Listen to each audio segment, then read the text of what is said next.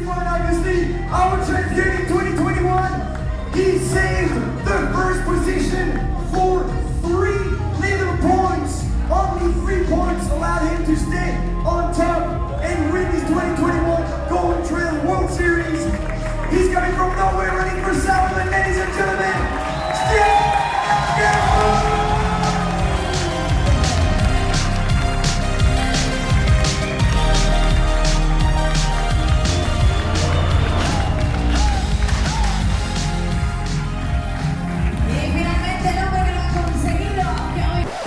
Velkommen til eh, dagens eh, episode, Morten. Takk for det. Det her er jo litt sånn uvanlig setting, for eh, nå er det alvor. Nå spiller vi inn den introen her, da, i et Holdt på å si et bøttekott. Et, et rekvisittrom i tolvte etasje på Barcode. Mm. Og jeg tenkte jeg skulle bruke, benytte meg av anledninga til å fortelle lytteren om at jeg har fått meg jobb her, et sted som heter Nok Nok. Og eh, du er da min kollega. Det er jeg. Mm. Og vi har et podkaststudio, et hjemmesnekra studio, på det her eh, rekvisittrommet. Og ehm, saken er jo den at dagens episode med Hans Stian Angermund, den er rett og slett eh, gjort i samarbeid med Nok Nok, Mm. kan vi si. Og eh, da må vi nesten forklare lytteren hva er Nok Nok? Det må vi. Ja.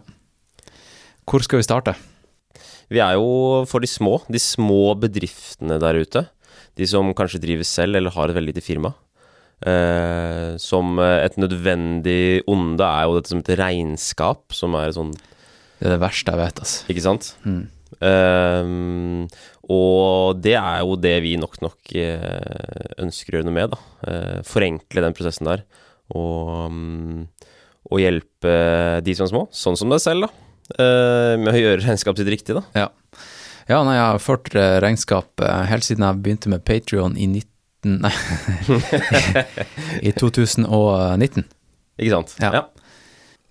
så det har vært litt sånn en, eh, litt av en prosess fra å kunne ingenting om regnskap og økonomi til å måtte ta stilling til det. Så Det tror jeg veldig på. Mm. Altså, det er jo masse regler å forholde seg til, og eh, det er noe som heter Skatteetaten og Altinn, og så er det noe som heter revisor, regnskapsfører, og, og veldig mange begreper som man ikke kjenner til, da. Ja. Det man eh, skal, ja, eksempel drive sin egen podkast. Ikke sant? Og de fleste som driver med kreative yrker, det siste de vil, er jo å forholde seg til regnskap. Yes. De vil jo egentlig bare spille inn podkast, eller male, eller eh, designe noe fett, og ja, gjøre alt annet enn å føre regnskap. Og før vi går videre, da. Du jo eh, Du driver jo med idrett. Du har jo til og med vært i podkasten tidligere. Du var jo med i podkasten i 20... Ja, 2019. Ja, Sommer, sommeren 2019. Mm. Nei, 2020. Sommeren 2020. Sommeren 2020. Ja. Da din eh, kompis eh, Morten Urdal eh, prøvde seg på FKT-en til han Johannes fra Operataket til Galdhøpiggen. Mm. Og da var du med i hans crew, og jeg ringte dere opp på, på Messenger, og vi spilte inn en liten podkast. Stemmer det. Mm, så du er, jo, du er jo på en måte i miljøet, da. Det her er ikke helt irrelevant. Det er det absolutt ikke. Nei. Det er det ikke. Eh, glad, i løp, glad i å løpe, Ja. så um, Nå er du litt skada. nå er jeg litt skada. Ja. Ja. Kult. Men da, så da vet liksom lytterne at du er også løper. Du er en av oss. Mm. Det er veldig viktig. Ja. Men eh, nok nok, da. Det er jo en tjeneste for uh, små bedrifter, og uh, det er Det skal være så enkelt at man skal kunne gjøre alt sjøl, ikke sant? Mm.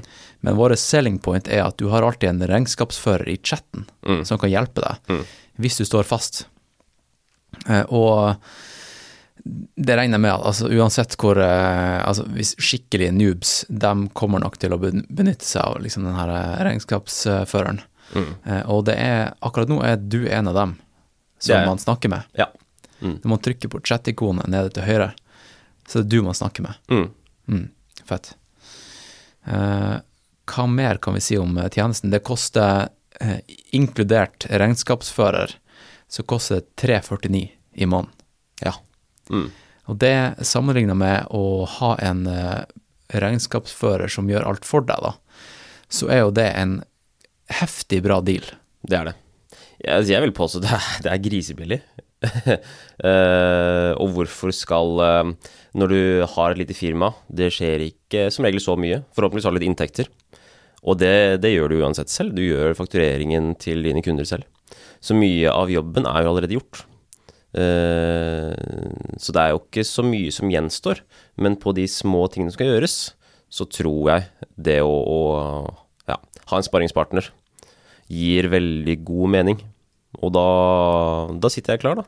Til å enten gi deg tommel opp på det du har prøvd å gjøre, eller å geleide deg i riktig retning, sånn at det blir korrekt, rett og slett. Mm. Um, Nice. Nice. Da føler man på en måte ikke at man er, står på bar bakke og er helt alene, sånn som man gjør med f.eks. Um, hvilke konkurrenter er det som finnes der ute? Vi har Fiken, hva du sa, Konta. ja. Uh, Visma har jo uh, noen varianter. Ja, Uh, TrippelTex. Yes. Ja. Power of Go. Altså, det er jo flust av systemer der ute. Ja. Uh, men systemleverandører som regel leverer jo kun system.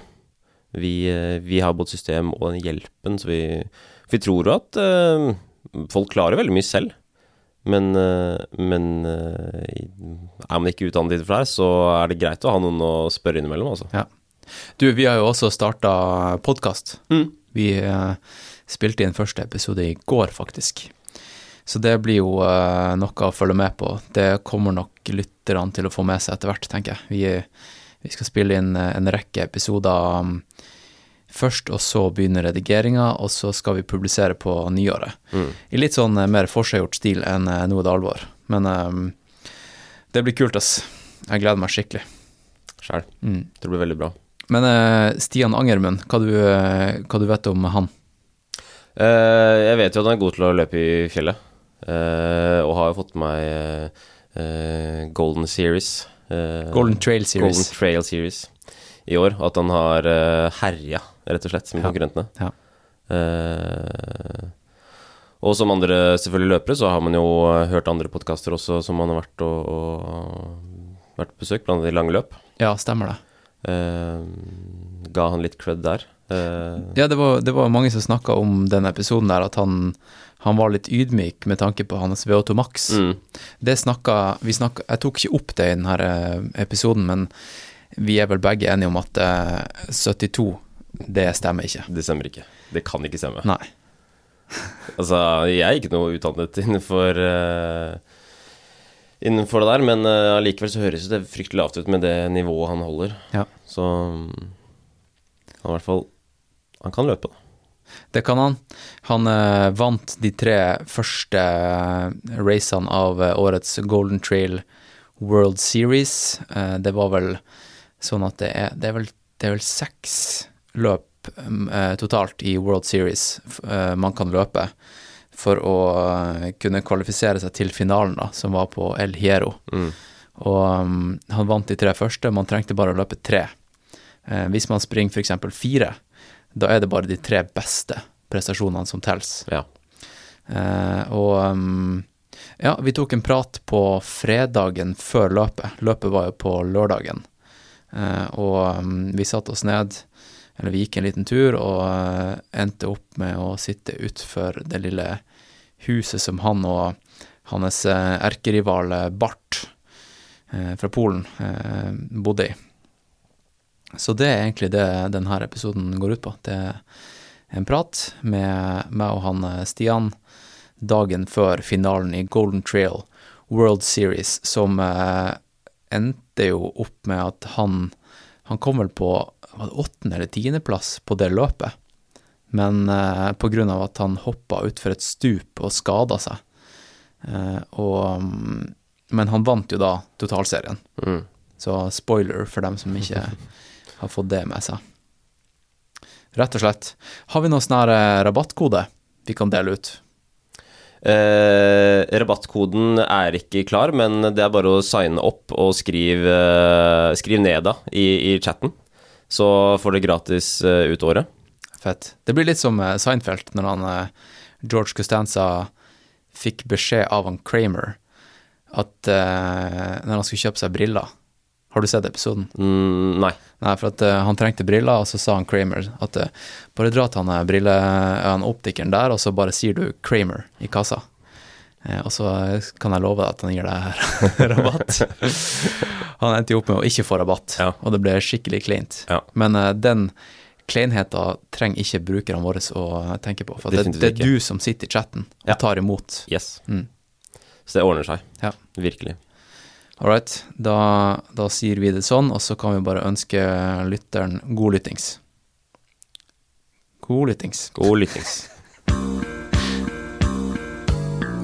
Hello, this is another one, another one, another one, baby.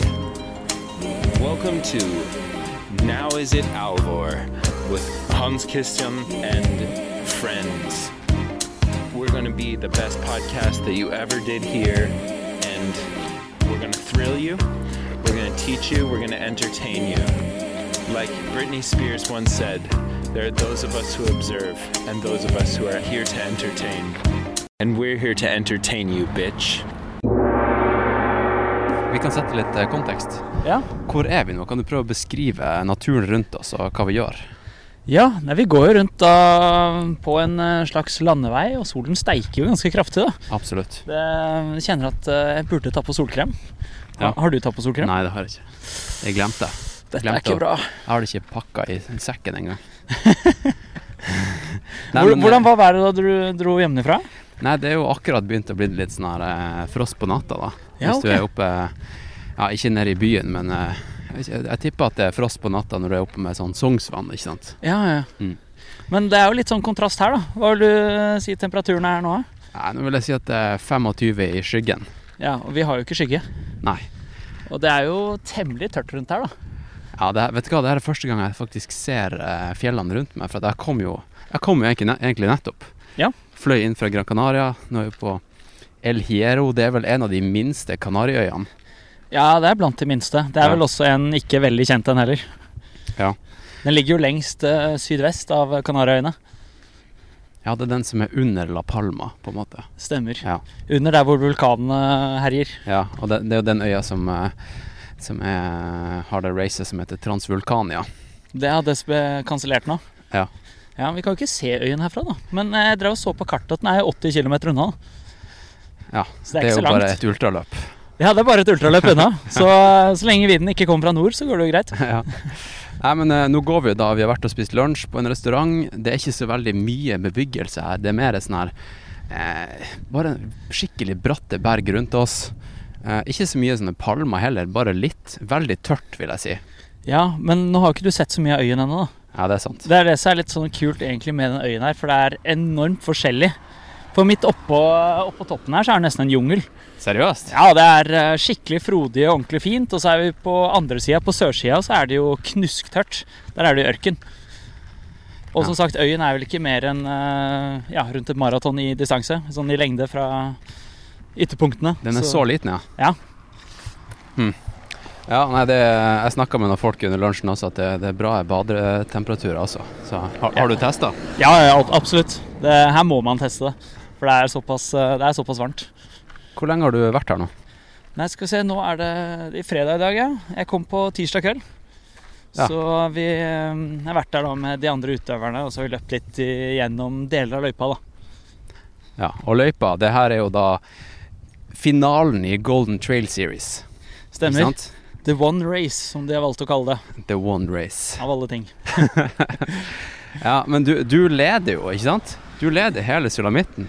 Ja, jeg gjør det. Det er litt eh, Det er gøy, da. Det er veldig drøyt. Så det, det er jo eh, sånn Jeg kan bare forklare litt om serien, da. For det er jo Ja. da seks løp pluss en finale. Og av de seks løpene så er det liksom de tre beste resultatene som teller, da. Ok. Og da hadde min kjæreste og jeg vi hadde la en plan om at jeg skulle løpe de tre første. Og satse på liksom at de gikk bra, for da å slippe å løpe de tre siste. Fordi at vi skulle da bli foreldre. Ikke sant? Og- Grattis, forresten. Jo, takk. Ja. Vi fikk nå en datter eh, på lykkedagen fredag 13. august. Har hun fått seg et navn? ja, hun heter Ingrid. Ingrid, ja. Ja. Nice. Så eh, det var egentlig veldig deilig å på en måte kan kalle det, slippe å reise eh, for å løpe de, noen av de tre siste løpene etter det. Ja, så du har gjort tre av seks. Ja. Og du vant alle. Ja, Det er jo egentlig helt sykt. Jeg har aldri vunnet noen sånn Golden Trail Series-løp før. Og så vant jeg første, og så bare wow, dette var sykt kult. Så vant jeg andre, og så nei, dette er jo litt for godt til å være sant. Og tredje, så nei, det skjønner jeg ikke noe. Men eh, har du gjort noe grep eh, fra etter i fjor eller eh, årene før? Har du gjort noe annet i treninga? Eh, ja, eller treningsmessig har jeg vel ikke gjort så enorm forandring på, men jeg har gjort enorm forandring på restitusjonen. Ja.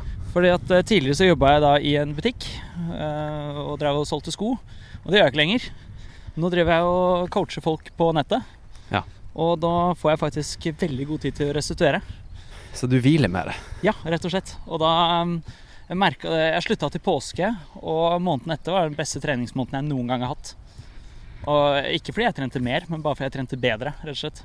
Bedre, bedre restituert til hver eneste økt. Jeg, jeg var jo hos deg i eh, Det var fjor sommer, ikke sant? Stemmer det. Ja. eh, og så Da var du på sykkeltur. Da var jeg på sykkeltur. Stoppa innom, bodde Var vel der ca. ei uke, tror jeg. Ja, jeg tror det var noe sånt nå. Eh, og eh, da, da fikk jeg jo komme litt sånn på kloss hold da, og se hva du drev med i hverdagen. For da, da var jo du midt i vanlige rutiner med jobb og sånt, Stemmer. eh, og jobba i butikk. Og Vi hadde jo noen økter sammen. vi hadde det. Ja. Så husker jeg godt at du, du, du bakte mye brød.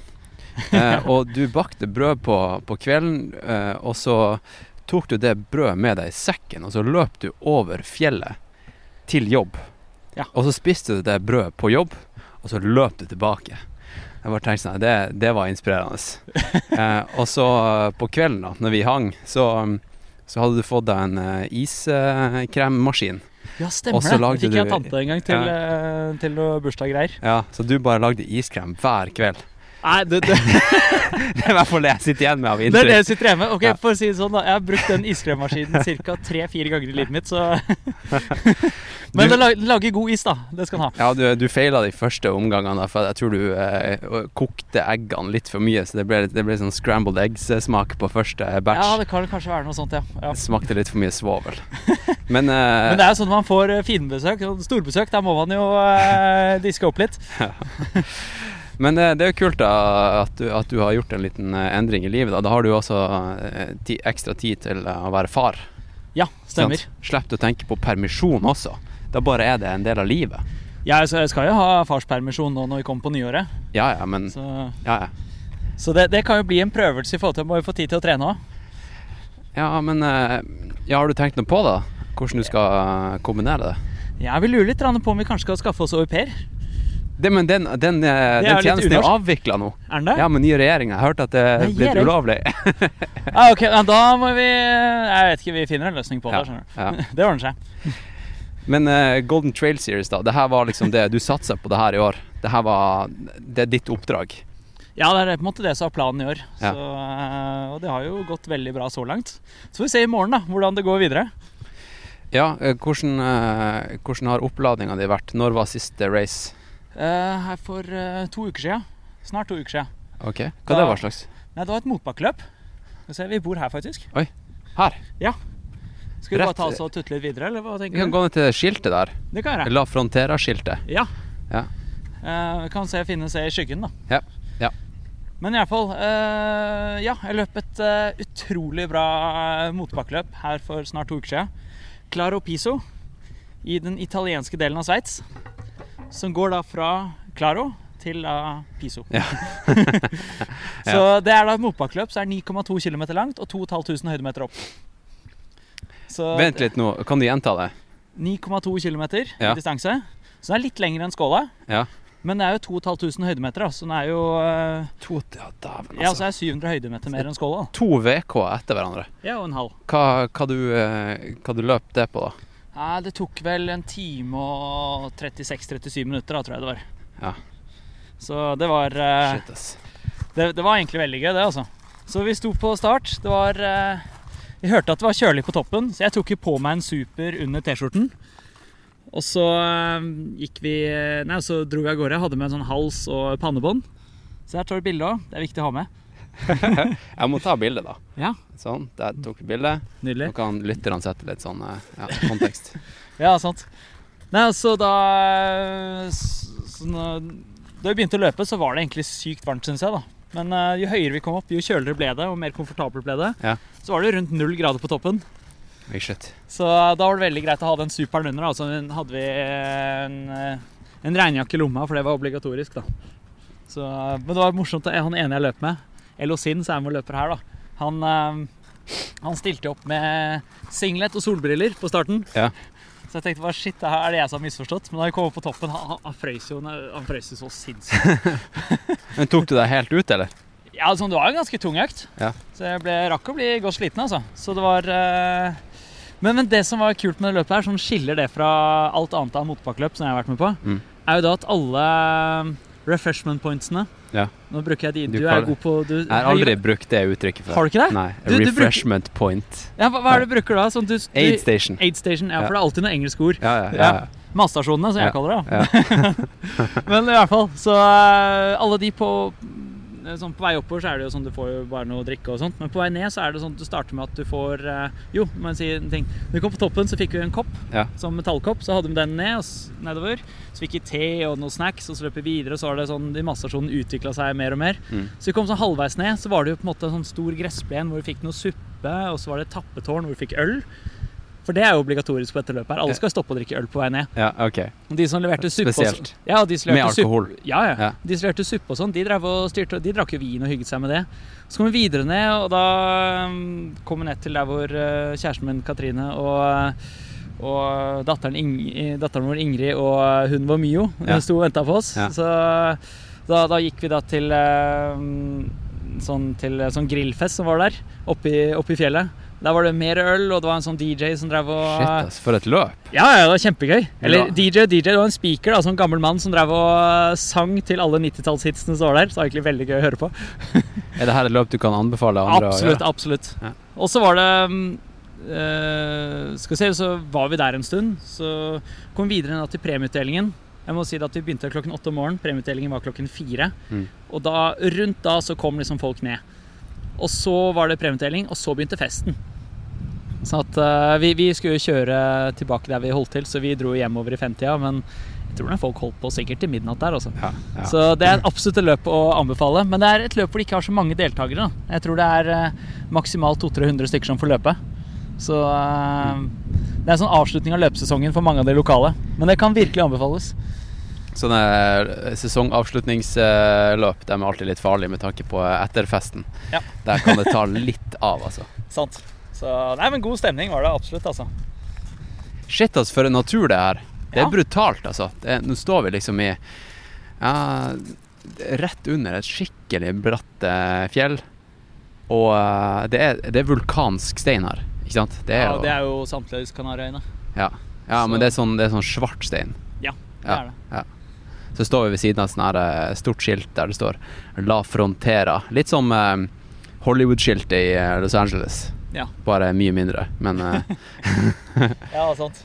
men altså, eh, vi skal jo På løpet så starter vi jo borte i Nå husker jeg ikke helt hva det heter ved starten her, men det er rundt en 200 meters høyde. Okay. Så skal vi løpe opp på toppen, så er det rundt en 1300, tror jeg. Og så løper vi da over øyen og rett ned på andre sida, hvor det er temmelig varmt, ned til rundt null. Ja. Og så har vi et par kilometer på asfalt før vi da skal løpe rett opp igjen. Men ikke like høyt, da. Og så er vi oppå der en stund, og så er det jo en ny runde hvor vi skal løpe ned til eh, Det burde nesten vært obligatorisk at vi skulle ut i sjøen og bade, for det er så varmt.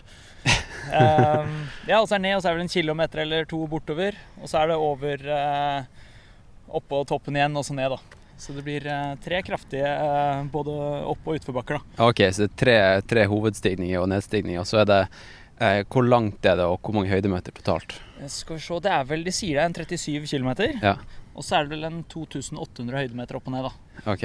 Så, men varmen blir på en måte en uh, stor utfordring. Det Altså. er den som blir cruxet i, i morgen? Det er Ja, jeg tror det, altså. Ja. Ja. Hvor mye erfaring har du med varme, egentlig? Uh, nei, jeg har nå løpt sånn nede i Chamonix og sånt, hvor det ofte er uh, temmelig varmt. Ja, du, du var jo og sprang CCC nå nylig. Ja, stemmer. Eh, Hvor lenge er det siden nå? Det var, det var i slutten av august. Det var august. 27. august. Det var bursdagen min, så det husker jeg. Ja. ja, stemmer det. Ja. Jeg møtte deg der på, um, på um, ah, Hva er det het igjen? Den uh, Aid Station. Uh, Valorsin, Valorsin, ja. Ja. Da du brøyt. stemmer det. Vi hadde jo begge litt tunge dager der. Ja, vi hadde det. det var jo etter TDS som jeg løp. Uh, Ja, sant. men, uh, men du brøyt der da med litt eh, knevondt, da. Hva- Ja, det var eh, Jeg kjente egentlig bare temmelig kort etter starten, så kjente jeg at det var litt vondt i, vondt i kneet. Er det her du bor? Ja, det her. går vi ned. Vi kan eventuelt ta og sette oss i skyggen eller noe sånt. Det kan vi gjøre, det er kan vi gjøre. Har vi, har vi en stol eller noe sånt? Eh, da må jeg nesten ta og låse opp. Eller skal vi eh, sitte på Ja. betongen? Ja, Samme for kan meg, hente-. Jeg kan hente noen stoler. Ja. Skal vi se. Nå tar han Stian og åpner opp en sånn liten nøkkelboks. Må ikke røpe koden. da. Ja. Skal vi se. Se, hvis du holder mikrofonen, Ja, skal jeg bare ta og hente. Skal jeg plukke opp litt uh, lyder, lyder herfra? Sånn. Får jeg ta med de ut? Ja. Um, er det ikke bare best å sitte her i skyggen, eller? Ja, vi sitter bare her. Sånn. Ingen av oss har eh, smurt oss noe, så det, det er greit. Ja. Du hadde den her mikken. Skal vi se her. Nice, da. Ta med sekken. Men jo, det CCC, det gikk ikke helt som planlagt. Du Nei. fikk litt knevondt da. Ja, jeg fikk eh, kraftig vondt i kneet. Eller det var ikke så vondt i starten. Og så eh, kjente jeg da eh, Hva var det? Vi, vi startet med å klatre en 1500 høydemeter i det løpet. Mm. Og det gikk oppover greit. Og med det det begynte å flate ut, så kjente jeg at dette var ikke helt behagelig. Og så prøvde jeg å ta et sånn lengre steg bare for å strekke litt ut. Det hjalp ikke. Og så tenkte jeg jeg får nå bare prøve å løpe og se åssen det går, da. Og så var det vel en 50 km senere så kjente jeg at oi, dette var ikke bra i det hele tatt. Du har ikke vært så mye skada, du. Nei. du. Jeg kan ikke huske at du har vært ute med masse skader eller noe sånt. Du er ikke sånn som meg. Det, det er en del, ja. Nei, altså Jeg, jeg snakker veldig, veldig mye om skadene mine, da. Jeg, det er vel kanskje den historien som jeg forteller om meg sjøl, eller ja. at eh, inntrykket er at jeg er skada hele tida. Ikke at jeg er det, men jeg er kanskje mer skada enn deg. Jeg vet ikke, Det kan jo være at de her lange løpene eh, tærer mer på kroppen, da. Ja, det kan være. Sånn, Jeg har ikke hatt så mye sånn voldsomme skader. Det var vel ja, denne her, og før det så er det vel egentlig Jeg hadde vel en Jeg vil ikke, vil ikke si det var en skade, men sånn eh, langtidsutfordring. Sånn tror jeg var fra rundt en 2018 til egentlig eh, i fjor. Hvor jeg egentlig slet av å være mye spenninger eh, i hofta. Ja, stemmer det. Så at jeg sleit veldig i motbakkene. Ja. Så eh, bortsett fra det, så er det kanskje sånn strekk i ny og ne, eller uh, det er løpt og så klarte å smelle kne inn i en stubbe her og Ja, der på ja. vinteren og sånn. Jeg har hatt et overtråkk for en del år siden, så jeg har vært sånn sett heldig eller dyktig og kommet unna mye, da. Så du den videoen han Kilian la ut når han hoppa på anklene sine? Ja, sant det. Ja, det er solid. Det var drøyt å se, ass. Han hoppa liksom ned på ankelen mens den var vridd. Jeg landa, landa på utsida. Ja. Bare for å vise at han har sterke ankler. ja sant. Det kunne jeg aldri gjort, altså. Da hadde jeg bare knekt beina rett av. Ja, det, er- det forbedringspotensial, da. Ja. Så vi får bare begynne å ta fram noe strikk eller noe sånne ting og jobbe litt. Men, ja, men eh, hva har du gjort i etterkant da for å sørge for at det her ikke skal skje igjen med, med kne? Du, Nei, har, du har sånn- teipa deg litt opp nå, da? Ja, sånn, jeg gikk til litt forskjellige fysioterapeuter. og Først var det han, vi har en som heter Arnaud, som er i som fysioen som hjelper oss i Salomon. Mm. Så han øh, hadde på Han har noen merkelige sånne lapper som du kan se her på. Ja. Som øh, kaller bare patches. Men det, Steamcare er jo da merket øh, som de selger litt på apoteker og sånt i Frankrike. Men han la på i hvert fall en sånn med en sånn noen magnesiumgreier for å bare løsne opp. Ja. Og det gjorde at jeg faktisk var øh, også massert litt og sånn, så gjorde at jeg kunne løpe rett etter behandlingen. Men jeg stoppet jeg, løp, jeg bare testet at jeg kunne løpe. Og så, Ja, ja. Dette var samme kveld som løpet, da. Eh, eller sånn Altså sa, Samme dag som eh, Etter CCC? Et, rett etter CCC. Okay, okay. Så, eh, men så har det liksom vært greit, og så har jeg gått til andre fysioterapeuter som har massert litt på det og, og sånt. Eh, det har på en måte ikke blitt bra. Og så har jeg vært nå Det kan jeg si, jeg har jo tilbrakt nå de siste ukene i Frankrike. Mm. Vært i sted som heter Avoriar, som er litt nord for Chamonix. Hvor, eh, hvor onkelen til kjæresten min har en, eh, har en leilighet. Ah, det er derfor du har vært der? Ja, Ja, så vi låner perfekt, leiligheten, og den er på 1800 meters høyde, og det snødde litt her om dagen. Åh, det var så nydelig. Det høres jo ideelt ut. 1800 er jo perfekt. Ja, ja, sant. Det er liksom eh, Det er akkurat der du får høydeeffekt, og det er liksom Du kan trene litt Du kan trene litt hardt også, for det er ikke så, det er ikke så høyt, liksom. føler ikke høyden så mye. Nei, nei. Så, men i hvert fall så har jeg gått til en fysioterapeut der, og har gitt meg mye øvelser for å styrke rett og slett muskulaturen oppe i skinka. Mm. Sånn, jeg vet ikke hva det heter, hvor du ligger på siden, og så har du hælene sammen, og så løfter du Kamskjell. Ja, sånne type, og litt videreutviklinger av, eh, av de, da. Ja. Så jeg har gjort en del av det, og så øh, Det har på en måte fungert egentlig OK, men jeg har hatt smerter egentlig litt hele veien fram til egentlig jeg kom hit. Ok. Så de tre siste dagene har jeg ikke hatt noe smerter. Og så har jeg fått litt hjelp av han Arnaud igjen, da, når jeg, Mm. når jeg ser han, som mener at uh, utfordringen egentlig sitter i uh, venstrebeinet. Det er sånn, smerten er da i høyre kne. Sånn at uh, jeg er mye sterkere i høyre enn venstre. Hvorfor det, egentlig? Nei, det vet jeg ikke. Det er sånn jeg er. Du drev jo med skiskyting før. Ja. Det, der er det jo også Jeg vet ikke om det er noe annen belastning på Jeg vet ikke, det kan være Det er hvis ikke så symmetrisk. sier- symmetrisk. Ja, hvis man driver mye med enkeltdans og padling på Ja, én side, så Ja. kan det jo kanskje være, men jeg har prøvd å på en måte bytte litt på, da. Ja, ja. Men uh, i hvert fall så må jeg lære meg å bruke venstre litt mer, da. Og det vil avlaste en del. Mm. Så ja. Så vi håper at det holder i morgen. Ja, ikke sant. Det er, jo, det er jo alltid litt sånn dumt å drive og prate masse om skader man har hatt også rett før et løp, for da går man og tenker på det. Så vi, vi kan jo legge den ballen død, tenker jeg. Ja, den er grei. men, men har du gjort noe, noe mentaltrening for å, for å kanskje bli kvitt skader, eller fokusere mer på det, på det riktige? Litt sånn Karsten Warholm, Ja, hvis du skjønner hva jeg mener? At eh, du bare Du kun fokuserer på det du kan gjøre noe med. Det er jo selvfølgelig når man har eh, liksom, Jeg har ikke gjort så mye mental trening, men jeg prøver å fokusere litt på hva man kan gjøre noe med. Ja. Selvfølgelig når man går på en, eh, går på en smell, så eh, tenker jeg det er helt greit også å ha de negative tankene litt. Og så må man bare bestemme seg at nå er det på tide å snu, og så må man komme seg riktig vei. Mm. Så eh, ja. Ja. Hvordan har du trent i år? Jeg spurte deg i stad om du liksom har trent noe annerledes, men, men hvordan er treninga di egentlig? Du røpte jo en, del, en god del i, i det lange løpet-episoden med Jan Post, men ja. Men Jeg husker sånn- egentlig ikke hva jeg sa da, og jeg vil ikke høre episoden Nei. selv. For jeg hører ikke på, på meg selv. Men nei, jeg løper ofte Jeg er glad i litt lengre intervaller. Syns det er litt gøy. Og spesielt nå når jeg har vært i Frankrike, så er det jo sånn Har vi litt lengre bakker enn det vi har hjemme i Bergen. ja, sant ja. Ja, ja hvordan at- påvirker det treninga di? Ja, Da blir bare dragene lengre. Ja. Jeg synes Når jeg kommer til en bakke og jeg ser liksom at jeg har 1000 eller kanskje 1300 meter opp, så skal jeg til toppen. Gidder ikke å stoppe og dele den opp. Det er sånn, da, da Ja, vil det jeg løpe jeg. Da vil jeg bare løpe til toppen fordi det er bare gøy. Ja. Så at jeg har hatt en god del uh, Si en type økt uh, som, jeg, som jeg har hatt, er at jeg løper da Skal jeg kalle det hjemmefra, Så løper jeg da kanskje en 50 minutter nedover. Og så har jeg en annen sånn vertikal, eller sånn 1100 meter jeg løper opp. Sånn hurtig. Og så løper jeg ned, og så løper jeg da hardt igjen tilbake der vi holder til. da Og så roer ned de siste par kilometerne. Så du kjører en komboøkt? Ja, sånn blir to lange drag. Og, ja, du får liksom eh, flatt og Ja, det er ikke noe særlig flatt. Det er bare opp og ned. Ja, OK. Men sånn okay. ned, ned som oppvarming, hardt opp, rolig ned, og så hardt opp igjen, og så bare rolig de siste kilometerne hjem, da. Alright. Så litt, litt sånne type økter, og så har jeg da gjerne to si, dager med langtur, rolig langtur, da, mellom de harde øktene. Mm. Så ikke, for min del så blir det for hardt å ha de oftere. Kjører du noen ganger to harde økter på en dag? Uh, Dobbel terskel, liksom?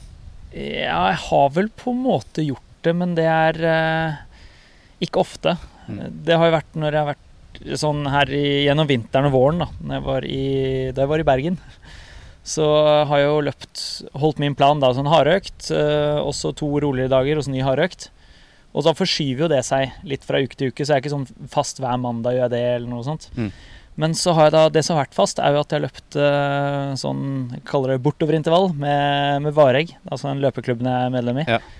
Og noen ganger så kommer det da på samme dag, at jeg har en hardøkt eh, med meg selv på morgenen, og så er det da bortoverintervall med Varegg på, på kvelden. da. Mm. Så ja, jeg har på en måte hatt dobbel terskel. Interessant, da. Det virker som at uh, ingenting, av- ingenting av det du gjør, er tilfeldig. Men det er litt mindre tilfeldig enn det han f.eks. Marius Bakken har gjort. Når jeg hørte det siste intervjuet. Ja. Uh, men han, uh, han kunne liksom stå av ei økt. Hvis han, hvis han starta på en intervalløkt, og så tok han laktatmålinger og sjekka puls og kobla det opp mot farta, liksom. Og så, så kunne han bare droppe økta og gjøre Mm. noe annet. Mm. Det, det tenker jeg er en veldig bra egenskap, Ja. altså. Gjør du noe sånt, eller? Har, Ja, altså, har du noen gang, Setter du noen gang ut på en økt, og så blir det ikke som planlagt? Ja, ja, ja. Mm. Sånn, eh, men jeg har ikke med laktatmåler, jeg er ikke glad i å bruke puls. Jeg, går, jeg fungerer egentlig, eller fokuserer veldig bare på følelsen. Så hvis jeg har noe vondter noen steder, sånn som jeg har hatt vondt i, litt vondt i kneet nå i det siste, eller hvis jeg føler meg sliten, så bare endrer jeg økten. Ja. Eventuelt hvis det bare er is der man løper, og så må man sånn tilpasse forholdene òg. Ja. Så det, det, det skjer. Absolutt. Interessant det her med liksom eh, La oss si at det er noen som hadde kopiert ditt opplegg, da. Eh, de hadde hørt på en eller annen podkast eller sett deg på Strava. Jeg vet ikke om du er på Strava engang. Ja, jeg er noe Men, på eh, Strava. Ja, men så, Så- ser de at du driver og springer sånn her kanskje åtte minutter, da. Fordi at det er så lang tid det tar å komme seg fra Bergen sentrum og til toppen av det fjellet du springer opp til. Ja. Eh, noe sånt, da. Så tenker Mm. de at ah, det er åtte minutter, da, som er, det er det som er the shit. eh, men eh, det du sier nå, er at du, man blir forma av omgivelsene. At uh, Ja. hadde du bodd med et, uh, et fjell, Mm. så ville du bare sprunget til toppen av det fjellet, uansett hvor lang tid det hadde tatt. Ja, eller sånn Det er litt det. Mm. Sånn, det er egentlig Jeg tenker at om man deler opp uh, og kjører si, kortere drag Eller sånn Som regel kjører jeg jo drag som er gjerne minimum seks minutter lange. Men om det er kortere drag, eller om man kjører da alt i ett, på en måte, det tenker jeg at det er litt hipp som happ noen ganger. Da, eller sånn Ja, det er jo sikkert bra å kombinere det litt, da. Ja. Så jeg har jo, mens jeg har vært nå i Avoyar, så har jeg også kjørt kortere intervaller.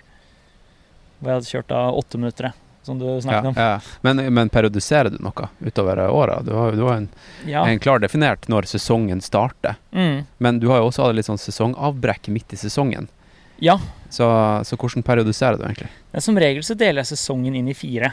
Så nå på lørdag et- Hvilken sesong? Altså året, eller eh, eh, året, år, Ja, hele året deler jeg inn i fire. fire. okay, okay. Inn i fire sesonger. Ja. Eller sånn perioder, da. Sånn at eh, nå etter løpet på lørdag, så begynner jeg da med neste periode, så er avkoblingsperioden. Ja. Og da skal jeg ikke løpe på tre uker. Det er planen. Og så Hva kan du gjøre, da? Nei, som, jeg har noen klare mål med avkoblingsperioden. Og det ene er å, ta, prøve å få mest mulig avstand til løping.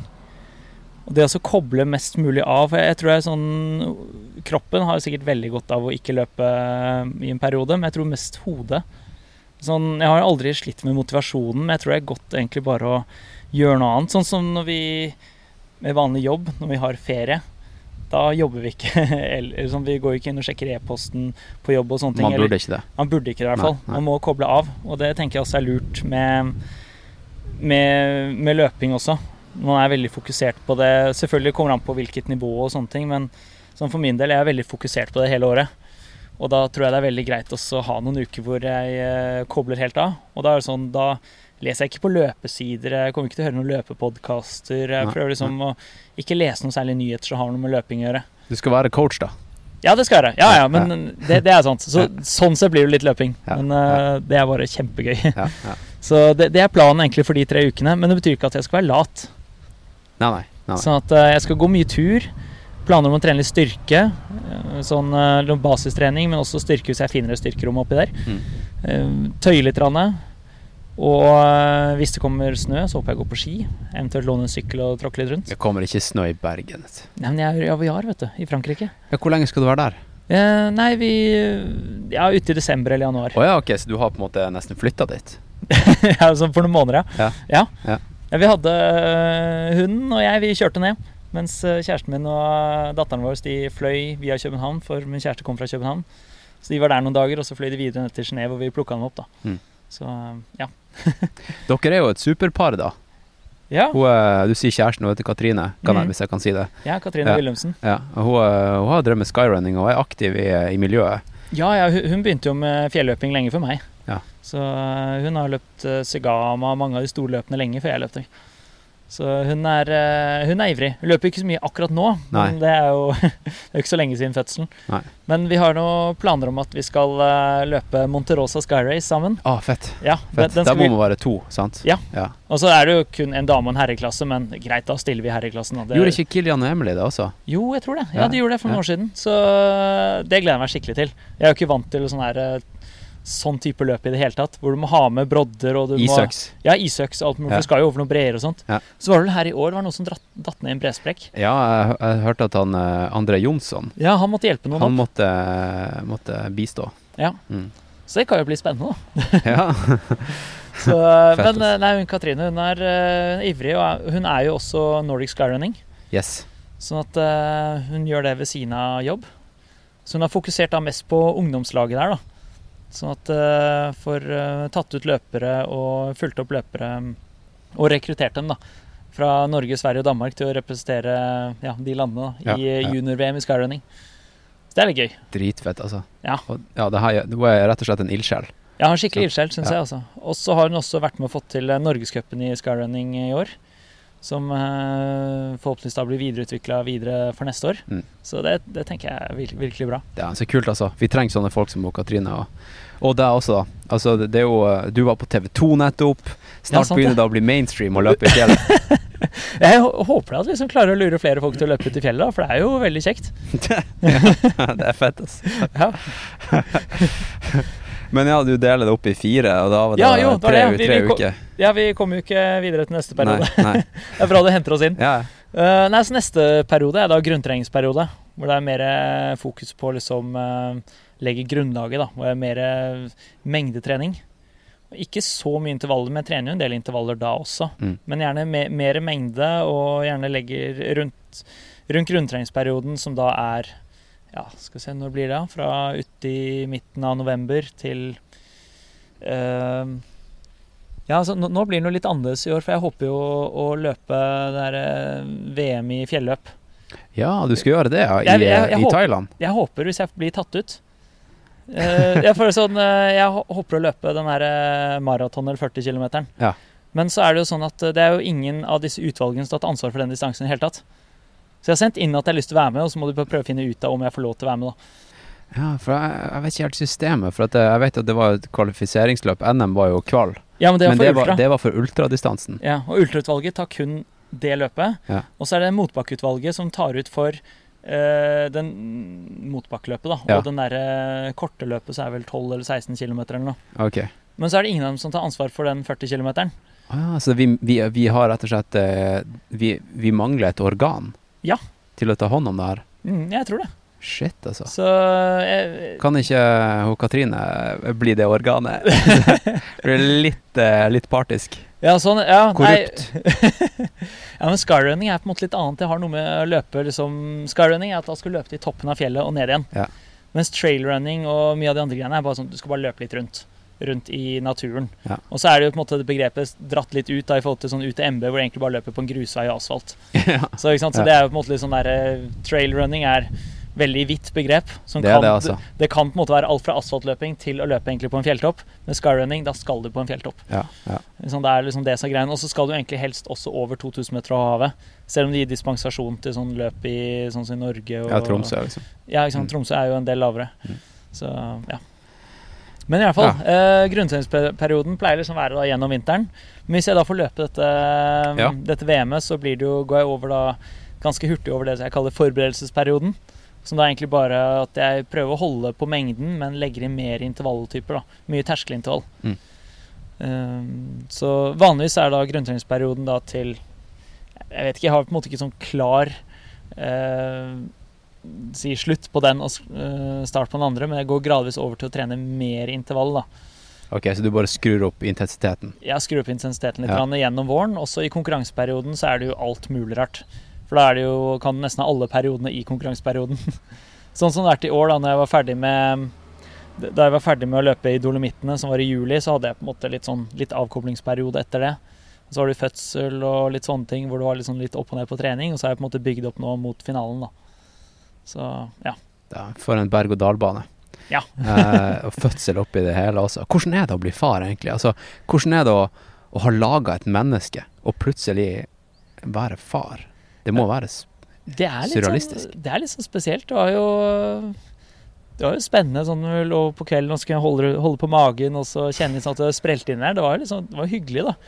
Men samtidig, det er jo helt annerledes å plutselig sitte med babyen på fanget. Så det var eh, Nei, det var en spennende, spennende opplevelse.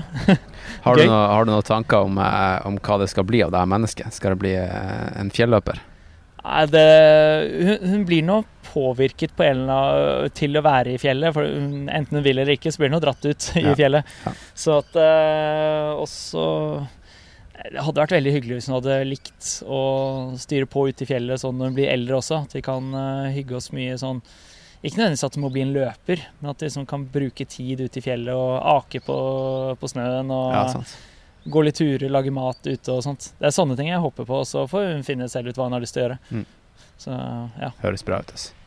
Jeg blir overrasket om det blir en gamer. Ja, ja det vet jeg aldri. Ja. Det vet jeg aldri. Ja, men uh, ja. Så, eh, så sånn så sommeren din ut. Ja, Ja. Det var en fin sommer, rett og slett. Ja. Mm. Har du reisa mindre i år enn, enn du har gjort før, eller har det vært eh, samme som før? Jeg tror kanskje det har vært litt mindre. Ja. Sånn, det er jo litt om sånn med korona gjør at det ikke har vært så mange løp, og så er det jo litt sånn eh, risiko i forhold til reise og sånne ting. Så eh, nå åpner det jo enormt opp, så nå er det løp overalt hele tiden. Så, men jeg har ikke konkurrert så mye, nei. Nei. Jeg hadde vel et løp her på denne øyen, faktisk, i februar. I år? Ja. Ja, ok. Ehm, det er et sånt arrangement som heter Marathon del Meridiano. Som jeg, har løpt tre eller fire ganger. Som eh, Det er egentlig veldig hyggelig, hyggelig løp hvor det er sånn Dette er jo Den øyen her er jo litt mer av kan vi kalle det fattigere øyen av Kanariøyene. Ja. Det er ikke så turistifisert og sånt. Ja, det, det, det var det inntrykket jeg fikk. Ja, og det er eh, sånn den, eh, Dette arrangementet, sånn Mara, Maraton Marathon del Meridiano, er jo på en måte en veldig stor happening og tror jeg er en sånn viktig inntektskilde for øyen.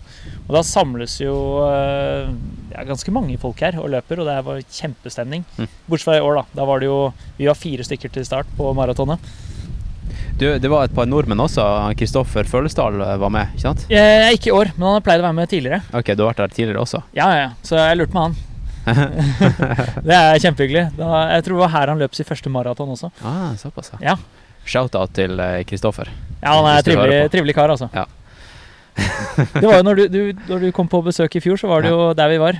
For da leide jeg hos han. Å ja. Ja. Ja. Mm. ja. Eller sånn Det var Ja, ok, nå skjønner jeg hva du mener. Ja, ja, ja. ja. ja. Nei, men så Jeg vet ikke om vi var inne på de fire periodene, men det virker jo litt sånn her eh, at du har en sånn grov plan, og så er det jo vanskelig å stykke det opp. Altså, det er jo racene som bestemmer Ja, ja, egentlig hva som skjer i Det, år. det, er, det er jo sant. Og så er det jo Prøver jeg å øh, legge mye hardøktene til likest mulig terrengtype, da. Som, øh, som løpene ja, der har du det. Ja. Ja. Sånn som f.eks. Maraton Mont Blanc er veldig mye løping på grusveier. Ja. Da trenger man å trene litt mer bortover. Ja. Mens da i Dolomitten er det som bare rett opp og ned. Det er jo et skyrace. Mm. Og øh, selv om det ikke heter det. Og da er det jo litt mer fokus på å løpe bratte bakker opp og ned. Så sånn så prøver jeg å spesifisere i forhold til uh, hva jeg skal løpe, da. Vil du si at du hadde trent uh, for lite spesifikt til CCC? Var det derfor uh, kneet feila, liksom? Det kan være, eller at jeg har brukt da Ifølge han fysioen fysioen nå, da, så har jeg nok kanskje brukt eh, venstrebenet for lite, eller noe sånt. At det blir for stor belastning på høyre, da. Så jeg må rett og slett lære meg å bruke venstrebenet mer. Så Ja. han, han sa jo faktisk at uh, jeg burde begynne å gå litt med staver nå i tiden framover. Og gjerne bruke staven mest på si, når jeg har venstrebenet nedi, da. For å få aktivert også kjernemuskulaturen når jeg da står på venstrebenet, sånn som du gjør når du, eh, går på ski.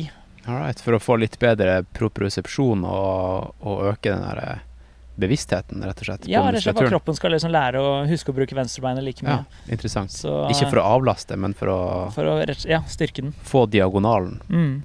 på plass, liksom. Ja. Interessant. Han er veldig interessant å snakke med han. Ja. Så han skjønner ting på, med kroppen som jeg ikke aner noe om i det hele tatt. Hva, hva er gameplanen i morgen, da? Ja, I morgen For det første, når starter det? Liksom, hva, hvordan ser dagen din ut? Og så kan vi gå inn på race. Ja, sånn, ja. ja. Eh, nei, nå er vi sånn der oppe på restauranten Lace, som vi var nå i stad. Lace. Lace Ja. og alle ting. Eh, der uh, åpner vel frokosten kvart over seks til kvart over syv eller noe sånt, så jeg er vel der ja, og spiser en eller annen gang. Uh, og så skal jeg da klokken åtte skal jeg bort til han her nå og være med og faktisk eh, teipe anklene. Det er noe jeg faktisk ikke Ja. pleier å gjøre. Men han sa det ville være bra i forhold til rett og slett det med kneet. For å stabilisere mer. Ok. Så det skal jeg gjøre i åttida. Og så I kveld? Nei, i- morgen tidlig. I morgen tidlig, ja. Ja. Og så er det da eh, Damene skal begynne løpet klokken ni. Oh, ja. Mens vi da begynner en halvtime etterpå. Halv ti. Og da Hvorfor det, egentlig? Nei, jeg tenker egentlig det er en bra ting. Da, for ofte når, når de kjører live og følger løpene, så er det sånn Det er lett, det er lett å følge de første gutta, for jeg er først. Mens damene er bare inne i flokken. Det er vanskelig å se dem. Ofte så syns jeg de snakker ganske mye mer om mennene enn de gjør med damene. Og Ja, det blir jo naturlig sånn når de er først. ja, ikke sant? Og så er det, Ja. måte, det er vanskelig å se damene, fordi sånn, de er bare inne i flokken med menn. Ja. Og da tenker jeg det er veldig bra at de deler opp, og så blir det på en måte to ulike løp de følger. da. Og eh, ifølge han Greg, han som er teamsjef i Salomon, så mener han at eh, første dame og første mann vil komme i mål sånn cirka likt. da. At sånn gutta løpe ca. en halvtime raskere. Ja. Så det kunne vært gøy, da. Men eh, Ja, det har vært kom, kom Hvor, til mål likt. hvor lang tid tror du du kommer til å bruke, da? Det er sånn, De har jo estimert rundt en fire timer. Og så er det hørt noen lokale sier at nei, nei, dette kommer til å være fire, ti, fire og en halv time. Så har jeg hørt noen sier nei, tre og en halv time. Okay. Så øh, ja, jeg, jeg aner ikke. Alt mellom tre og en halv og fire timer, et ja, kvarter. jeg, jeg syns det er på en måte vanskelig å beregne også, da. Eh, hvor, hvor lang tid dette vil ta. Ja, for det, du har jo varmen, da. Vanligvis så eh, Så i et fjelløp så tenker man at hver tiende kilometer tar ca. 50 minutter til 60 minutter. Ja, det, det kommer vel an på høydemeteren, da. ja, ja, men som regel så er det jo eh, kanskje 800 høydemeter i timen. Ja, opp og ned. Ja. Mm. ja, det kan vel Ja, Noe sånt. noe sånt, ja. ja. Mm. Ja. Så vi, vi får se. Jeg regner i hvert fall med at eh, det kommer til å bli en ganske heftig start i morgen. da. Jeg vil tro at eh, en sånn eh, løper som Remi tror jeg kommer til å bare brenne til fra start. ja, for hvem er det som skal løpe? Eh, Som er, som er vassest? Så vassest? Nei, eh, jeg er litt spent på han eh, jeg faktisk bor med her i leiligheten her, eh, Bartolomei. Mm. Eller Bart, som vi kaller han. Han, eh, han kan gjøre det veldig bra. Eh, han har vært litt opp og ned i år. Så det blir spennende å, spennende å se. Han er en veldig god utforløper. Eh, men sliter litt mer oppover. Eller kommer an på Når han er i skikkelig form, så går det bra unna oppover også. Hvordan ser han ut for folk som eh, vil eh, sette et ansikt på, på navnet? Ja, Hvordan skal vi forklare han, da? Eh, Hvordan er håret hans? Hvordan er hudfargen og ja, sånn, ja. Han er en polakk. han polakket? Ja, og Er det han der orienteringsløperen? Nei, nei. Nei, ok. Nei, Han er ikke orienteringsløper. Han er en uh, polakk, veldig sterk uh, kar. Han har noen tatoveringer. På underarmen tok han en tatovering etter han uh, vant løpet i Sør-Afrika, som var Golden Trail-finalen i 2018. Med noe sånn solnedgang og sånn. Ok, Så Også- han tok det for å liksom uh, Ja, det var premien. Det var premien, ja. Ja, Akkurat som OL-løp. eh, Folk som har vært i OL, tatoverer OL-ringene. Ja, sant. Ja. Ja. Så han tok bilde der, så var det noe fjell og noe solnedgang og greier. Ja. Og så på den andre armen da, så tok han da mm, en tatovering etter um, han vant uh, Golden Trail Championship på Azoren i fjor. Så der har han en sykkel. En landeveissykkel. ja. Ja. Eh, Så uh, det, det er Ok, det. se, se etter tatoveringer på underarmen. Ja, se etter det. Og så har han litt lengre hår enn meg, så noen ganger tar han på en måte den i en sånn flette. Ok, litt Sånn sånn her eh, Det som kalles for librarian bun. Altså sånn uh, Ja, jeg er jeg, Har han så langt hår? Ja, det går vel sånn akkurat. Det er litt Ja. sånn som uh, Du har jo møtt min fetter, Henrik Angermund. Ja. Han har jo hatt en sånn type flette Ja. på en del av disse løpene. Så, som han har vært med på. Jeg fikk jo faktisk Jeg snakka jo med han før jeg dro ned hit. Tenkte jeg skulle lage en sånn Angermund-spesialepisode. Ja, Fikk lov til å bruke soundtracket fra siste skiva hans. eh. ja han, han kom jo ut med noe nå Var det fem, 5. november, tror jeg? Ja, jeg, jeg fikk en, eh, en eh, sniklytt på skiva. Den var dritfett. Ja, ok, Den var dritfett. Jeg hørte på den mens jeg trente her om dagen. Ja, Han spilte jo her ute i byen for ikke så lenge siden. Mm. Altså i Bergen, da. Ja. Det er det som er byen. Ja. det er bare én by Ja, ja, for bergensere. Sier, gutten her som taler talefeil. Klarer ikke å snakke bergensk. Var det nachspiel på Brann stadion, da? Nei, det, det. det var han som dro det i gang. Ja. Ja, men det blir kult. Jeg, jeg, kan, jeg kan fyre av en, en eh, sang i, i outroen, Ja, tenker jeg. gjør det. Eh, Men i hvert fall, da. Skal vi ta, gå tilbake til løpet? Nå kan jeg hente oss inn. Ja, ja. bra. Det er bra. Men eh, nei, for jeg tenker at Remi han er jo rå oppover, og han må utnytte sine krefter oppover. Så jeg går ut ifra at han kommer bare til å brenne til oppover som bare det. Ja. Muligens uh, Davide Mangini. Eh, det er en sånn it italiener Mm. som også er fra Salomon. Mm. Som uh, mulig han kommer til å henge på, men han sliter litt med noen skader. Så jeg vet faktisk ikke om han kommer til å løpe, og hvis han løper, så tviler jeg litt på at det kommer til å gå veldig bra, for han er, eh, er ikke helt godt fungerende akkurat nå. Okay. Det er veldig synd, da. Ja. Så um, Nei, altså Remi han er da som sagt veldig god oppover, men sliter litt mer utfor. Så for min del da så er det på en måte helt greit å gi han en luke til toppen. For jeg tror det er mulig å hente det inn utfor. Og så er det jo tross alt tre tøffe stigninger skal over, og i varme etter hvert, så jeg tenker for min del så gjelder det å prøve å komme så billig over den første toppen som mulig. Så du, hvis folk ser på deg eh, i morgen, og, og, og du er litt bak, så har du egentlig alt under kontroll. Da Ja, i hvert fall når vi sitter her nå. Så, Ja. Men planen er egentlig å liksom, Jeg ønsker jo å åpne hardt litt sånn rett og slett for å prøve å få luke til andre. Og liksom prøve å, men jeg vil ikke løpe over evne. Nei. Det var sånn som det første løpet i Golden Trail i år, så løp jeg jo med Remi oppover. Og han pusha veldig mye opp den første bakken, men da tenkte jeg at jeg vil ha gode bein til oppå ryggen. Ja. Så da lot jeg han gå, rett og slett, og fokuserte egentlig på å få i meg næring. Og øh, det gikk jo greit å ta han igjen når vi begynte litt utfor og ble litt mer teknisk. Så øh, altså jeg tror han kommer til å løpe, løpe bra, i hvert fall i starten. Og så har vi da en, øh, en marokkaner, Elosin. All right. Han, øh, øh, han bor i Sveits, da. Hvordan han klarte å komme inn i Sveits, det skjønner jeg ingenting av. Jeg prøvde å spørre han i går, og det er bare, jeg skjønner ingenting av hva han sier. Han er ikke helt stødig i engelsk. Nei, men eh, det er jo flere løpere som har kommet seg ut av Marokko og gjort det bra med løpinga. Ja, det er sant. Eh, han eh, Hva heter? Han eh, med det store håret, han lille. Og Saeed. Saeed Ait Ja. Malek. Ja, han er, han er rå. Han er Han rå. er vill utforbakkene. Ja. Han er faktisk den drøyeste utforløperen jeg har vært borti. Ja, så har vi jo han der nordmannen som også er her, da. Han An Anders Kjærvik. Jeg trodde du skulle si Stian Nei, nei, nei. nei. nei jeg, ikke, ikke ta meg med i det greiene der. Jeg er ikke så rå utfor. Men Anders Kjærvik er jo her, så han burde du ta en, eh, ta en prat med. Ja, jeg skal finne ut hvor han bor, og skal jeg ta en prat med han. Ja, Ja. Han, er, eh, han er helt vill utfor. Ja, for uh, han vant jo utforsegmentet i fjor på Azorene. Ja, og så knuste han visstnok utforsegmentet som var på det forrige Golden Trail-løpet, som heter Skyrun. Så, som er i Frankrike. Ja, der, der hadde de sånn der egen sånn eh, Det er visst noe de har hvert år der. At det er sånn pris for beste opp- og eh, motbakkeløper i første bakken. Og så er det da utfor, som Anders tok, og så en sprintgreie, da. Mm. Så, så Anders var sånn suverent best i utforbakken. Så ja. Kult. Ja, men da må jeg, jeg må prate litt med han og høre hva som er hemmeligheten bak, eh, bak utforegenskapene hans. Om det bare er ren galskap, eller om det er teknikk. Jeg tror han bare lener seg forover og håper på det beste. Altså. Ja.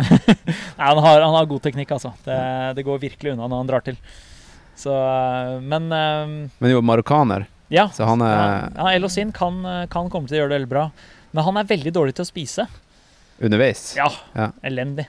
Så øh, han vet jo. Så han må jo bare klare å få i seg litt mat. Ok, er det, er det han bare dropper det, eller er det, bruker han å få magetrøbbel, eller hva er Jeg vet ikke helt. Det er det som er vanskelig liksom, øh, når han er så dårlig i engelsk. Ja, sant. Det var jo sånn her når vi eh, satt, eh, slo i følge med han da fra restauranten og tilbake hit i går. Man fortalte han drev, eh, hadde en venn som drev noe boksing, og han drev også med noe, noe boksing. Jeg spurte om skoene hans. Han sa det var god sånn boksesko. Det sånn God sand- boksesko, ja. Ja, noen Ja. sandaler han gikk med. Så fortalte han, liksom, spurte jeg, han drev med boksing og sånt, så sa han snakket han, ja, Hvis du står der med en dame og det kommer en annen opp bort til deg, så må du liksom være klar til, liksom, til å eh, slå litt og sånn. Så, så viste han masse boksemoves og sånn, så jeg bare OK. det var kjempegøy. Ja, ja. Det blir artig å se hva han, eh, hva han får til i morgen, da. Ja, Så bare håper han ikke har med, har seg bokseferdighetene på løpet, så. Ja, sant. Men eh, morsom, morsom kar. Ja, det tror jeg på. Hvordan ser han ut, da? Nei, han er eh, rundt samme høyde som meg, litt mørkere enn meg og veldig kort, mørkt hår. Ok, er han, er, Hvem er han sponsa av? Eh, løp for Salomon, Salomon, ja. og så er monobryn. Monobryn, ja. Ja. Ok. Så, men han er eh, skikkelig, skikkelig trivelig kar. Nå sykler han der eh, Greg forbi her. Ja. Han er, hva, er det, hva er hans rolle i Salomon? Greg Ja. han er teammanager og alt mulig mann og styrer med Golden Trail Series og kontrakter med utøverne og mye forskjellig. Ja, ok. Så jeg tror han finger med i spillet på alt. På alt, Ja. Han peisa forbi her, men eh, jeg, jeg møtte han der oppe i stad, der jeg bor. Ja, Den sykkelen hans er helt crazy. ja han, eh, han har jo tidligere drevet aktivt med sykling, Okay. så med terrengsykling. Så For det her var liksom det var en sånn skikkelig feit, feit eh, terrengsykkel, og så ja, Akkurat som at uh, Selvfølgelig, det var jo elsykkel, men det batteriet var så lite, og motoren var så liten, oh, ja. at man ser nesten ikke at det er en elsykkel. Så Men sånn lureri gikk dritfort. Ja, dritfort. Ja. Så teknologien har kommet langt, altså. Ja, han har det. Mm. Ja, de kan jo på en måte gjemme dette inn i sykkelen, så de ikke ser at det er eh, elsykkel også. Ja. Kanskje Det, man det har man sett noen med eksempler på. ja. Kanskje det blir noe mekanisk doping i, i fjelløping etter hvert også. Ja, du får sånn sko som løper av seg selv. Ja. Kommer sånn hjul under, så bare triller det av gårde. Vi snakka litt om eh, doping i stad. Du skal jo på den her eh, quartz uh, doping Det er ikke dopingtest. Nei, Det det, er er mer sånn sånn blodprøver og sånt. Ja, quartz, det er noe sånn uh, utøverens helse, da. Sånn uh, hvor det Ja, det handler om på en måte at Jeg tror de sjekker blodverdiene våre over tid. Men det er jo litt sånn Ja, det er absolutt ikke dopingkontroll. For det sånn, jeg får jo da en e-post om at jeg må gå til legen innen fire dager og få tatt denne, ta en blodprøve. Ja. Og de sjekker jo ikke om det er jeg som tar den blodprøven. Nei. Så, men det er liksom, de sier det er mest for helseaspektet. da. Så får de enormt mye data om alle oss løperne som ikke helt vet hva de bruker til. Så det er sånn hmm. Ja. Men det er vel kanskje også litt sånn det, Kanskje det egentlig er dopingtest i den forstand at de ikke sjekker blodet for doping, men at de har hyppig kontakt med utøvere, og de merker at det er noe muffins hvis du ikke stiller opp til den kontrollen. Ja, Eh, for jeg vet at det, det er der dopingkontrollørene begynner å bevege seg inn i noe, er det, det menneskelige. ja, De sånn. De begynner liksom å ringe dem ofte og stille opp og Ja, bli kompis med dem, bare for, bare for å liksom se hva de faktisk driver med i hverdagen. Ja, ok. Ja, For de, de sånn- vet at dopere, de, de doper seg uansett, liksom. ja jeg skjønner. De, de klarer å lure dem hvis de vil. Ja, ok. Ja. Ja. Det, ja, men det er jo kanskje en smart måte, det, da. Jeg tror det. Men ja, hva du tror du om eh, doping i fjelløping nå, da? Jeg tror og håper at det er veldig lite av det. Så det virker som i hvert fall på, um, på de som er her sånn eh, Jeg vet ikke helt om man kan lese hvem som doper seg og ikke, men sånn, de virker som gode personer alle sammen. Så jeg er kanskje litt sånn godtroende og sånn, men jeg, er sånn, jeg blir veldig overraska hvis det er noen av disse som er her nå som driver med doping. Ja. Jeg har virkelig ikke troen på at de driver noe særlig med det. Nei. Pluss at det er veldig lite penger å hente i dette greiene også. Ja, men jeg tror egentlig ikke at penger er et argument lenger. Nei, er det Vi ser det gang på gang at uh, det er mange steder der det ikke er noe penger å hente, at folk doper seg. At det er mer heder og ære? Det er mer prestisje det går i. Ja, ok. Og at det er liksom uh, i sin krets At det er der det er liksom det å vinne det løpet eller et eller annet sånt, da, at det er det som betyr noe ja, jeg skjønner. i deres liv. Ja. Har ingenting å gjøre med penger. Selvfølgelig er du fra Kenya og, og du har dopa deg, så skjønner vi jo hvorfor du gjør det. Der- ja, liksom, for, for, for de er jo på en måte litt En god del av dem er litt dårligere stelt enn det vi er, som er så heldige å vokse opp i Norge hvor vi har Ja. på en måte det vi trenger. Ikke sant? eh, Doper du deg og er fra Norge, Eh, så er du jo idiot. Altså, hvis det skjer noe med deg, så går du på Nav. ja. Du, du trenger ikke å vinne Golden Trail Series for å overleve. Nei, sånn, du tjener jo ikke noe penger på det. Så Nei, nei, nei, det er jo ikke Kan ikke si jeg tjener jo ikke noe særlig penger på dette her i det hele tatt. Nei. Får du noen bonuspenger av Salomon, eller? Nei, som vinneren av, vinneren av løpet av serien får 10 000 euro. Og eh, med å løpe en hel sesong, så er det på en måte sånn Ja, 10 000 euro, det, det er jo en god del penger. Ja. Men er det premiepengen for hele sesongen, så er det på en måte i det store og hele så er jo ikke det noe voldsomt. Nei, og så hadde du hatt en vanlig jobb i Norge så, og tjent liksom Ja, jeg vet, vet jo det, men 700 000, ikke sant? Ja, sånn jeg vet jo, hadde jeg hatt en, eh, sin vanlige jobb, så ville jeg jo tjent mer penger enn det jeg gjør nå. Ja. Men, men samtidig, livet er jo ikke bare om å tjene mest mulig Eller er ikke bare, det er jo ikke om å tjene mest mulig penger, nei. det er jo å ha et godt liv. Og sånn som livet er nå, så syns jeg det bare er eh, Det er gøy, det er herlig. Jeg lever. Og det er jo det Jeg tenker det er viktigere, da. Han eh, Sindre Burås sa til meg at eh, det var den, den sesongen han var nyforelska, Ja, at han gjorde det best. Det var da han persa på 5000 meter og sånt. ja ok. Eh, du har, det virker som at du har det veldig bra nå. Tror du det spiller inn på prestasjonene dine i år? absolutt. Ja. Ja, ja. Det er ikke bare korona og at du har uh, steppa ned på jobbinga i butikker og sånn her. Nei, nei, sånn hele fjor så gikk jeg rundt og var nyforelska. Ja. Og det var bare helt nydelig. Det var sånn Ja, man kan jo si på en måte koronaåret i fjor var litt sånn forferdelig år, men nei, for min del var det sånn Ja, forferdelig at det var vanskelig å reise. Man finner jo sine måter å reise på, men, eh, Ja. men eh, i hvert fall det var bare et fantastisk år. Så selv om da Katrine og jeg bodde i hvert vårt land og sånn, så kommer hun da til Norge her i eh, januar, og vi kjøpte leilighet i mars, og eh, har det bare fantastisk fint sammen. Dere bor i Bergen, sant? Mm. Bor, bor du langt unna der, du, der jeg besøkte deg i fjor? Eh, nei, ikke så langt. Jeg bor da i noe som heter Breistølen. Okay. Som da er eh, Hvis du tenker i forhold til der Skuteviken, da, som Ja, det, ja. for de lokalkjente, Ja. så eh, er det i distanse sikkert ikke mer enn sånn halvannen kilometer eller noe sånt. Men det er jo da 180-90 høydemeter opp. Så jeg tenkte at jeg skulle ta en treningsøkt da vi skulle flytte. Og bære opp tingene. Ja. ja. Ja, det var var, helt sykt. Jeg, jeg var fullstendig knust i mange dager etterpå. Fylte opp sekken og bar opp, og så eh, måtte jeg bare kapitulere halvveis, og så måtte vi kjøre bil istedenfor. Men fortsatt, da, etter man eh, kjører bil, så er det 180 trappetrinn opp til leiligheten, da. ja, sant. Så det er, det er et stykke opp. Men du får komme innom neste gang du er i Bergen. Ja, det skal jeg absolutt gjøre. Ja. Absolutt. Ehm, Ja, så i morgen, da, når du springer inn i mål, eh, er, er det noe mer på, på programmet, eller? Hvordan, eh, Da, sånn for helgen? ja, du drar hjem i morgen, eller? Nei, på søndag? Jeg drar hjem på søndag. Ja. Da egentlig sa de at de skulle dra hjem på De ønsket at de skulle dra hjem på mandag, men uh, jeg vil nå hjem til familien. Ja, Så- det skjønner jeg godt. Men uh, nei, da blir det I morgen tror jeg det blir en god fest. Tenker jeg. Da er jo sesongen ferdig for de fleste, så Ja, så det kan bli farlig, det der. det kan bli farlige greier. Shit, jeg tenkte, jeg tenkte på det. Når jeg ikke fløy, fløy ned, bare sånn her Shit, har jeg havna midt oppi en sånn galskap nå? For det, Det fyllekalaset på slutten. Så eh, De sier ofte sånn Sigama er jo gjerne en sånn uh, vill fest. Og uh, mulig at det blir tilsvarende. Ja. Du vet jo sånn Idrettsfolk som har vært veldig fokusert over lang tid, de kan jo ikke drikke heller, vet du. Tåler jo ingenting. nei. Og skål, par for- jeg, skåler, så er man helt borte. jeg tok meg en øl i går. Jeg vet ikke om du så den Instagram-posten jeg la ut Nei, jeg var beklager, jeg er så elendig til å følge med på sosiale Ja, ja. medier. Og akkurat nå så bare jeg, jeg legger ut mine egne ting, og så ser jeg ingenting. Jeg bare prøver å spare Ja, energi. men det er bra, ass. Nei, for jeg var, jeg var tilbake på um, Det er en lang historie, men jeg, jeg ble Husker du jeg trynte i fjellet på Gran Canaria for et par år siden? Stemmer. Eh, så fikk jeg hjelp fra en som jobba i en bar på Ja. natta med overnatting, og jeg fikk penger av han for å liksom Oi. Ja, det, han var virkelig en, en, eh, en engel. Ja. Så dro jeg tilbake dit i går, da. Nei, Kjøpte en pils i baren, og han var der, da. Så prata vi, Nei, så hyggelig. vi ut om det. Ja. Kult. Så, Tok du med noe til han, eller? Uh, nei, jeg, jeg tenkte sånn Faen, jeg skulle hatt, jeg skulle hatt noe T-skjorte og capser fra Nå er det alvor, men eh, ja. jeg har ingenting.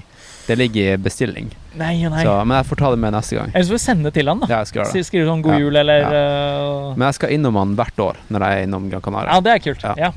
Det blir en greie. Det er en bra greie. Men eh, ja, da, da, da er du i shape, da. Da er det bare å stille til start og, Ja. og gjøre det beste ut av det. Ja, jeg tenker det. Nå holder jeg på å liksom lage ferdig med siste med ernæringsplanen, og Ja. tror det blir bra. Er det, er det Morten det går i? Det er Morten det går i. Ja. Du er fornøyd med Ja, jeg syns det funker eh, For min del funker det veldig bra. Ja. Og så har jeg mye dialog med dem hvor de hjelper meg litt med noen planer og sånt. Nå har jeg faktisk ikke rukket å snakke med dem nå før dette løpet, fordi at jeg fant ut i går at hvordan matstasjonene kommer til å være. Ja, hvor hyppig blir det? Eh, ikke så ofte. Sånn, eh, det blir fire stasjoner underveis, og mellom tredje og fjerde så tror jeg vi estimert at vi skal løpe halvannen time i varmen. Så akkurat den delen kommer til å bli ganske heftig. Da springer du med vest, da. Da må du ha med deg litt. Ja, sånn, jeg kommer til å løpe med belte.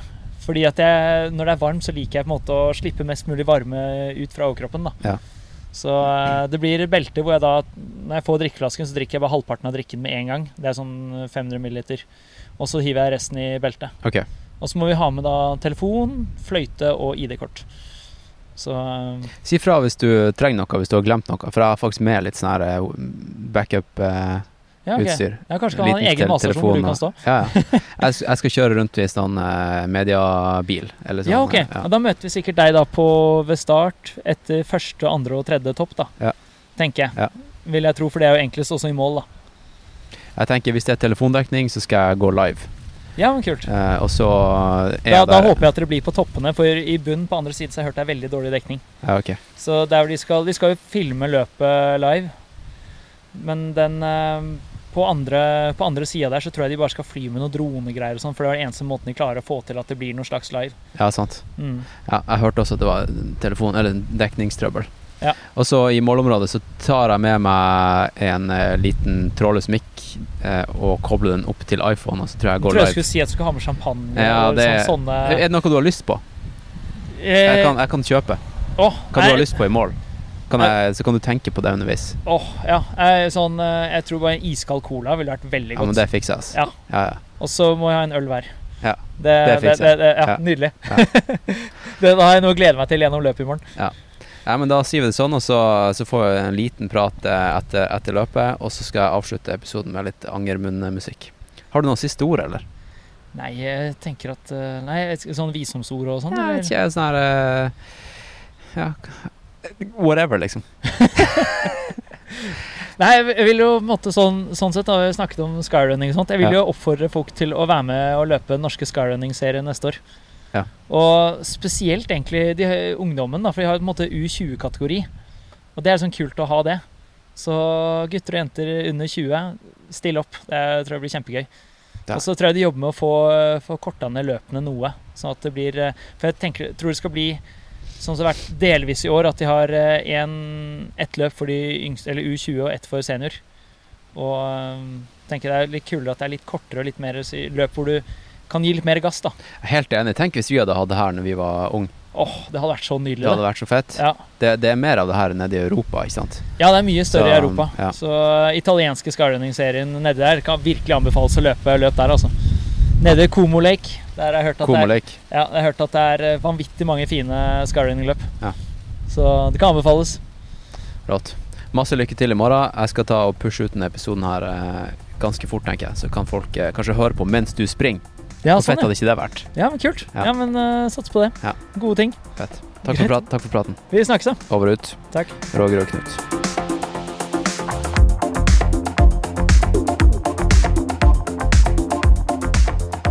All right, folkens. Det var episoden med han Stian Angermund. Litt av en type, altså. Litt av en ydmyk eh, type. Det er jo egentlig helt eh, ufattelig at han orka å bruke en hel time av livet sitt dagen før hans viktigste race i karrieren sin, til å snakke med Noe Alvor. Så mm, tusen takk, Stian. Det var utrolig stas. Eh, tusen takk også til eh, Nok Nok, min nye arbeidsgiver. Det er en heidundrende bra regnskapstjeneste for frilansere og små bedrifter. Eh, Og eh, ta nå og sjekk dem ut. Det er noknokregnskap.no. Og Nok Nok det er jo da et ordspill på um, vår myntenhet, og eh, også et symbol på at eh, hvis det er noe du lurer på, så kan du banke på døra, altså nok-nokke, eh, på døra til en regnskapsfører. Da er det bare å trykke på chat-ikonet nede til høyre, så kan du snakke med regnskapsfører, hvis du står fast. Eh, Og hvis du er som meg, og hater regnskap, så kan jeg garantere deg at uansett hvor bra vi har laga tjenesten, så kommer du til å trykke på den tasten, eller eh, knappen. Så mm, ta og sjekk ut Nok Nok Regnskap. Trykk eh, Bare skriv til oss i chatten. Bare skriv ned, da, eller skriv at du hørte på Noe det alvor, og så skal vi ordne deg en sjukt bra deal. Ok?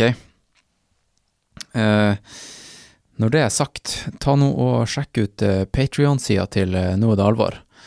Patrion.com slash nedaproject. Der har jeg en god del episoder til, um, eh, til dere som subscriber der inne. Det er, skal vi se, forrige helg så publiserte jeg en episode fra um, Lillomarka Rundt, som, eh, som da ble arrangert for et par uker siden. Det var en eh, reportasjeepisode med intervjuer som jeg spilte inn da i, eh, i målområdet og startområdet. Og da var det med han Patrik Stangby og Stian Dahl Sommerseth, Johannes Rummelhoff, Jan Olav Løvdokken, Lars Christian Eriksen, Felipe Hefler, Kristoffer Eftedal, Henriette Lund, Ingrid Hannestad, Luca Roncoroni, Lars Aurtande, Bjørnar Eidsmo og Marius Hauge fra Kaptare podkast. Eh, og så skal vi se her, da. Eh, Det ligger en episode med han Askild Vatnbakk Larsen der, der vi gjorde en sesong... Hva det heter Sesongoppsummering og ja, bare generelt ultrasnakk. Vi oppsummerte sesongen 2021 og snakka trening, rett og slett. Eh, og så ligger det en episode som jeg publiserte, jeg tror det var vel eh, rundt 10. oktober, med han eh, Henning Lauritzen om ultraløping, bikepacking, Bislett 24, hans eh, fascinasjon med Carola. Eh, han er jo også en demotivasjonscoach, og han er da kjent for å gå ufattelig lange skiturer og løpe ecotrail med krykke.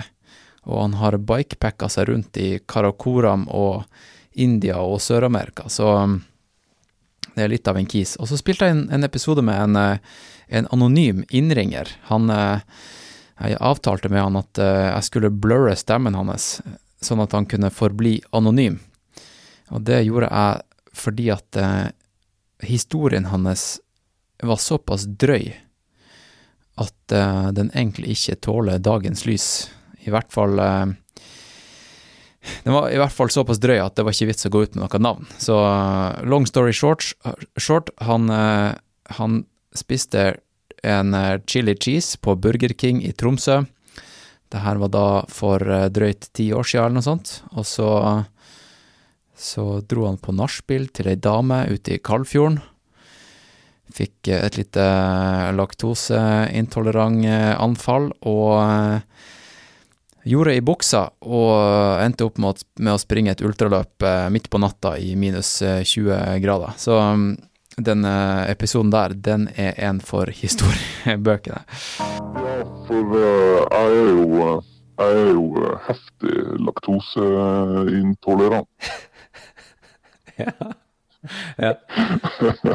det tenkte jeg jo ikke. Altså, jeg visste jo altså, jeg visste jo ikke om den cheese. Jeg trodde det var en chicken, nugget, chicken nuggets, og jeg heiv jo innpå to stykker av det der eh, på en gang. Ja. Uh, og det var gjort og. Du kan ikke gjøre noe. Du kan ikke, jeg kan ikke bare greie altså, spille opp igjen. Eller, Nei, nei. Gjort er gjort. Det, det, gjort er gjort. Mm. Men den uh, kicka jo inn.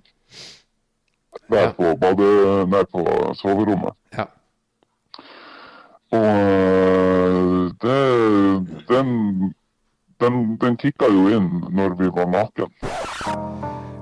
Eh, Det ligger en episode med han, eh, han eh, Odd Edøy, kunstneren og ultraløperen som holder til i Sunndalsøra. Han som er i midten av 60-årene og er drøyere enn de drøyeste i 20-årene. Altså hvordan han får det til, det han får til, det er helt sjukt. Det ligger også et lite gjenhør med han Kjeppen, for dem som husker episoden med han eh, Kjeppen som var, han var vel sånn her 155 kilo.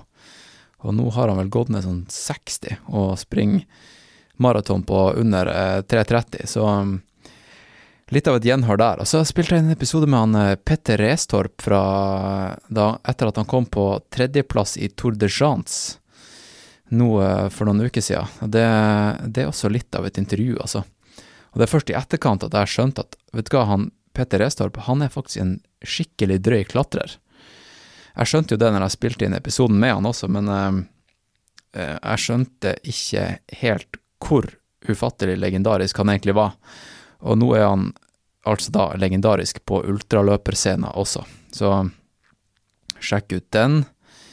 Eh, og så er jo hele den her UTMB 2021-episoden er jo helt sjuk, den også. En episode med han Stian Hallén som satt ny FKT på Ersfjordtraversen. Eh, en hel episode med Oslo-Bergen Trail, eh, altså det beste jentelaget. Eh, I Oslo-Bergen Trail er 400 km lange løpet fra Oslo til Bergen. Helt crazy. En hel episode med han Simen Holvik, der han debrifer Norge på langs-prosjektet. En hel episode med treneren hans, Sondre Amdal, om Norge på langs-prosjektet også. Nei, det er, det er veldig mye inne på Patreon, folkens, så eh, ta og sjekk det ut. Og så skal jeg nå Skal vi se her, da. Neste plan for podkasten. Jeg skal eh, Jeg skal spille en podkast med han Emil Mek, MMA-fighteren, sammen med hans eh, personlige trener, Blake Shafering.